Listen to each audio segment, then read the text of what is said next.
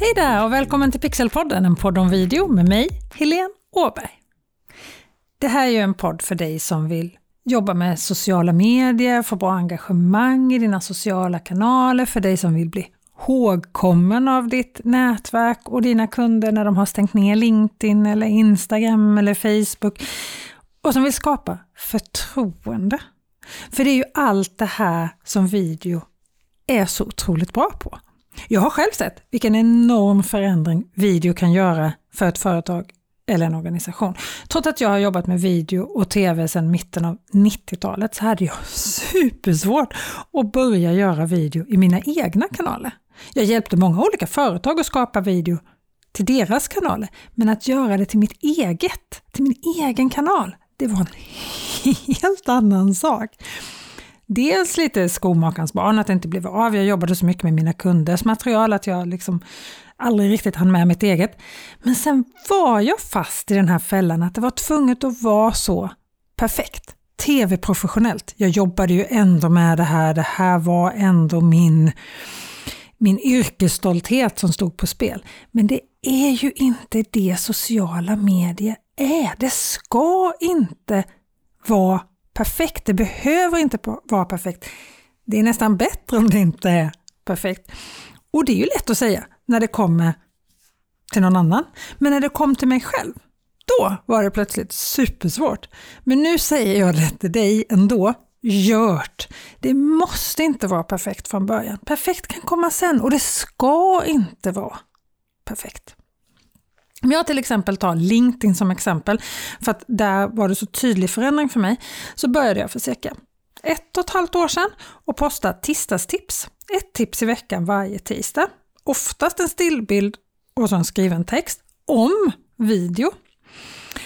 Sen tänkte jag att det här är ju för sjutton inte trovärdigt. Jag kan ju inte prata om hur bra det är med video och posta främst andra typer av inlägg då. Så för ungefär tio månader sedan, då började jag på allvar göra alla de här tipsen, inte alla, men de allra, allra flesta, i videoformat istället. Och då hände någonting. Alltså vilket engagemang och vilket gensvar jag fick direkt. Och jäkla vad mitt nätverk på LinkedIn växte snabbt.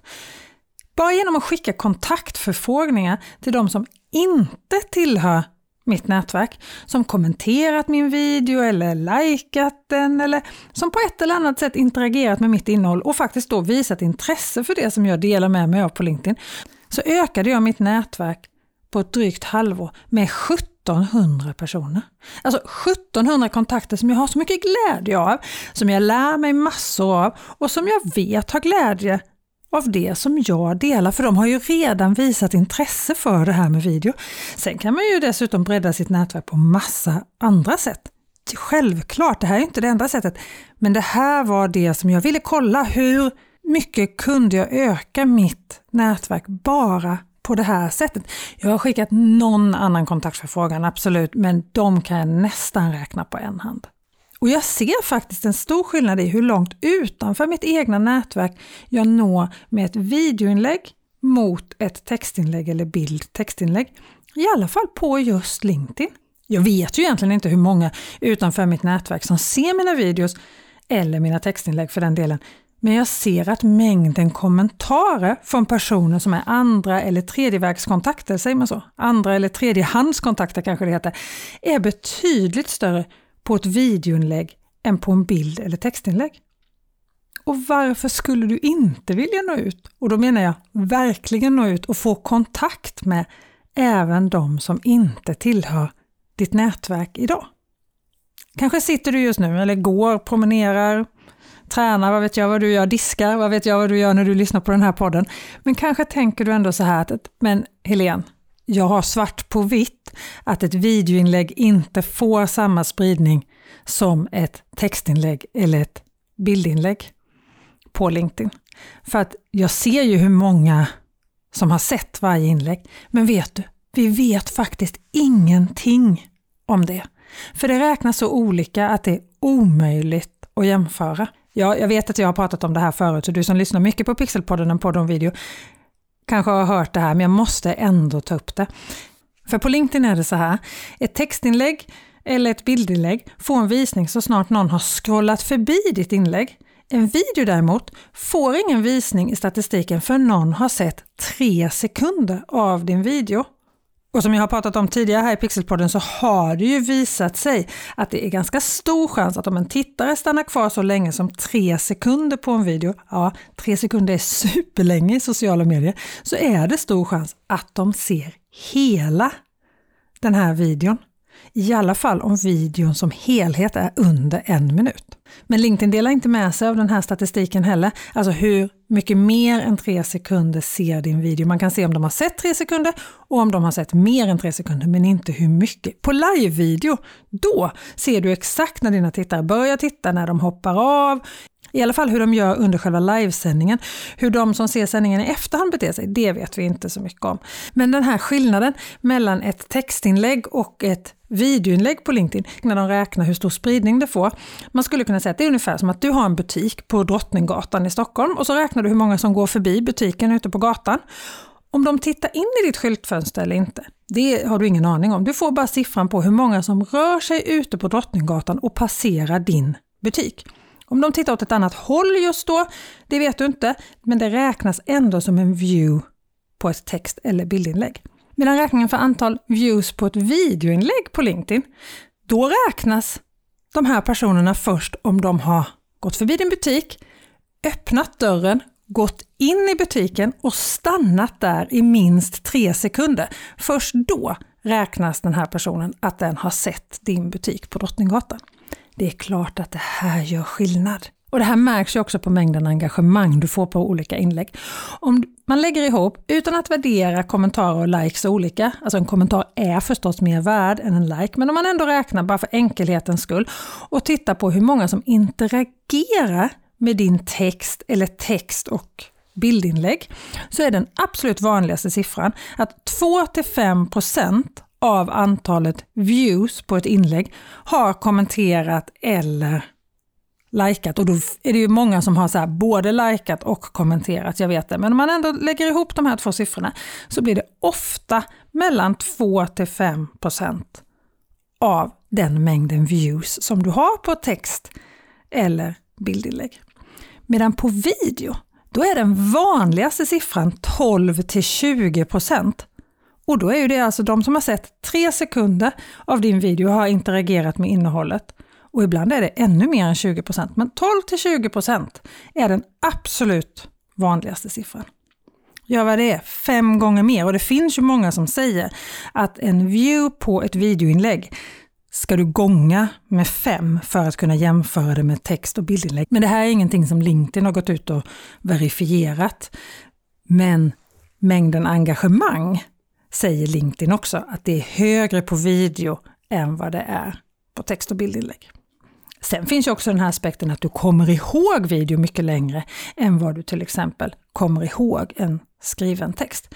Jag var väldigt aktiv med framförallt videoinnehåll på LinkedIn under våren och sommaren 2020. Jag var själv väldigt aktiv med framförallt videoinnehåll på LinkedIn under våren och sommaren 2020. Nu blir det mycket LinkedIn-snack här men det är så tydligt exempel i mitt eget arbete så jag vill ändå ta det. Och det här är ju ungefär samma sak för andra plattformar också. Men jag var som sagt aktiv med minst en video i veckan på LinkedIn under våren och sommaren 2020.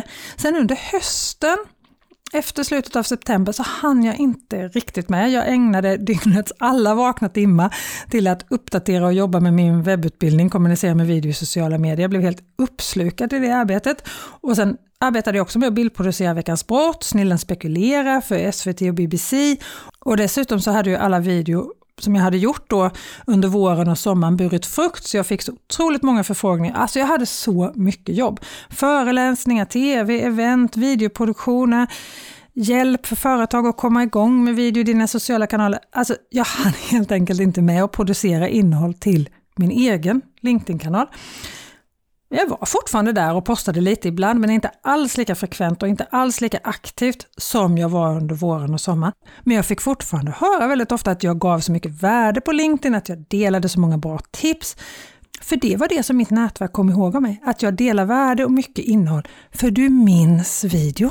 Men för mig var det som jag sa inte helt självklart att börja göra video i sociala medier. När jag började med min onlineutbildning eller webbutbildning, kommunicera med video i sociala medier 2017, så gjorde jag inte en enda video där jag själv syntes. Jag gjorde video till framförallt Facebook, men jag syntes aldrig själv i videon. Jag vågade helt ärligt inte.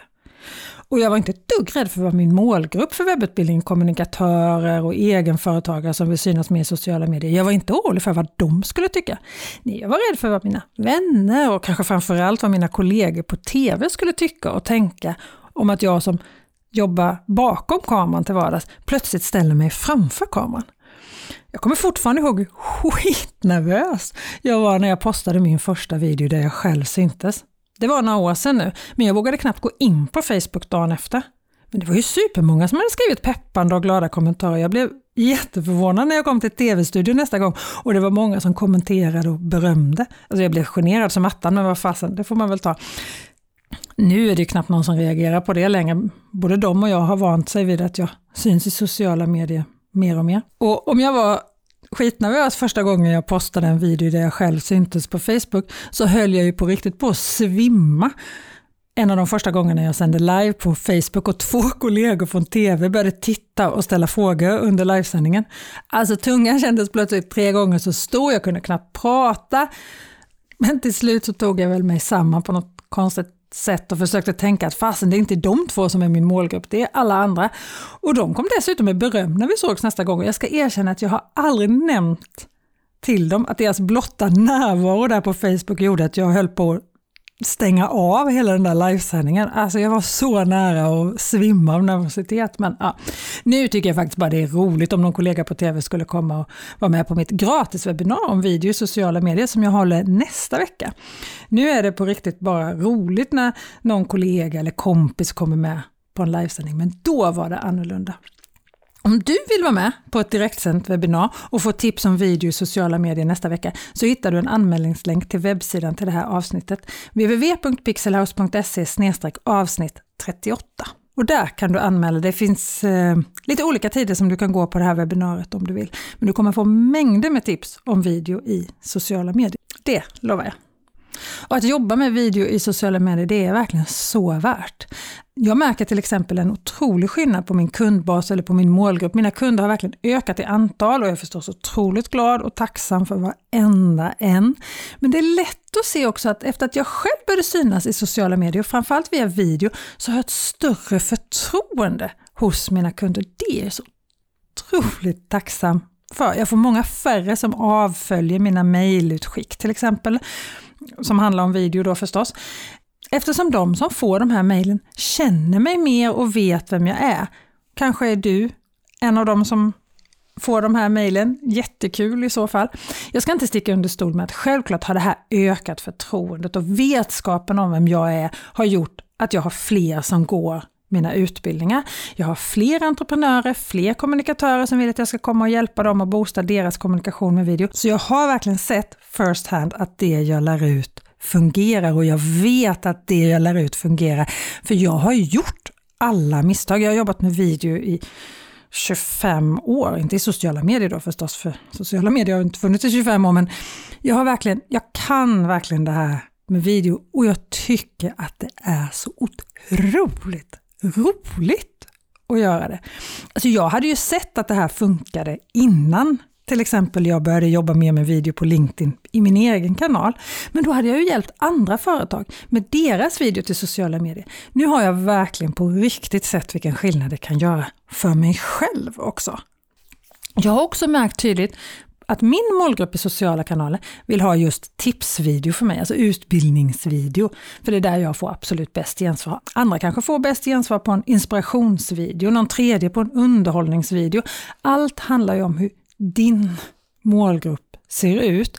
Men mitt tips är att testa dig fram. För det är inte bara effektivt att göra video till dina sociala kanaler, det är så roligt. Och eftersom du får högt engagemang på video så lär du ju också känna dina följare, dina kunder, ditt nätverk. Jag har ju pratat om det förut. En sak som kan ge riktigt bra kontakt på sociala medier är ju stories eller händelser. För när någon kommenterar en story på LinkedIn eller Instagram eller Facebook har ju också det, så blir det ett direktmeddelande till dig och du får genast en personlig kontakt med din tittare. Och här har till exempel Instagram själva visat att video ger mycket större engagemang än bilder på stories. Så tveka nu inte att använda video i dina stories på Instagram, LinkedIn eller Facebook. Stories är ju också så otroligt bra sätt att verkligen komma igång med video. Det är korta videor som ska vara 15-20 sekunder, gärna ännu kortare och de försvinner efter 24 timmar. Så gjort! Om du är intresserad av stories men kanske inte riktigt har kommit igång eller ja, kanske har kommit igång men vill lyssna ändå, så har jag gjort ett helt avsnitt om stories här i Pixelpodden, en podd om video. Avsnitt 25 pratar jag i stort sett bara om stories. Så lyssna gärna på det. Och blir du inte mätt på innehåll och stories så hittar du en YouTube-video också om just stories på min YouTube-kanal, Helene Åberg, Stockholm Pixel House. Jag länkar till den också i avsnittets show notes. Samma sida där du hittar anmälningslänken till gratiswebbinariet nästa vecka. www.pixelhouse.se avsnitt 38. Och lite beroende på var du lyssnar på den här podden så hittar du länkarna direkt i poddspelaren i vissa fall också. Men glöm inte att anmäla dig till webbinariet nästa vecka för det kommer verkligen bli fullspäckat med videotips och så kommer du självklart kunna ställa frågor också. Hoppas att vi ses då. Till dess, ha det så bra! Hej då!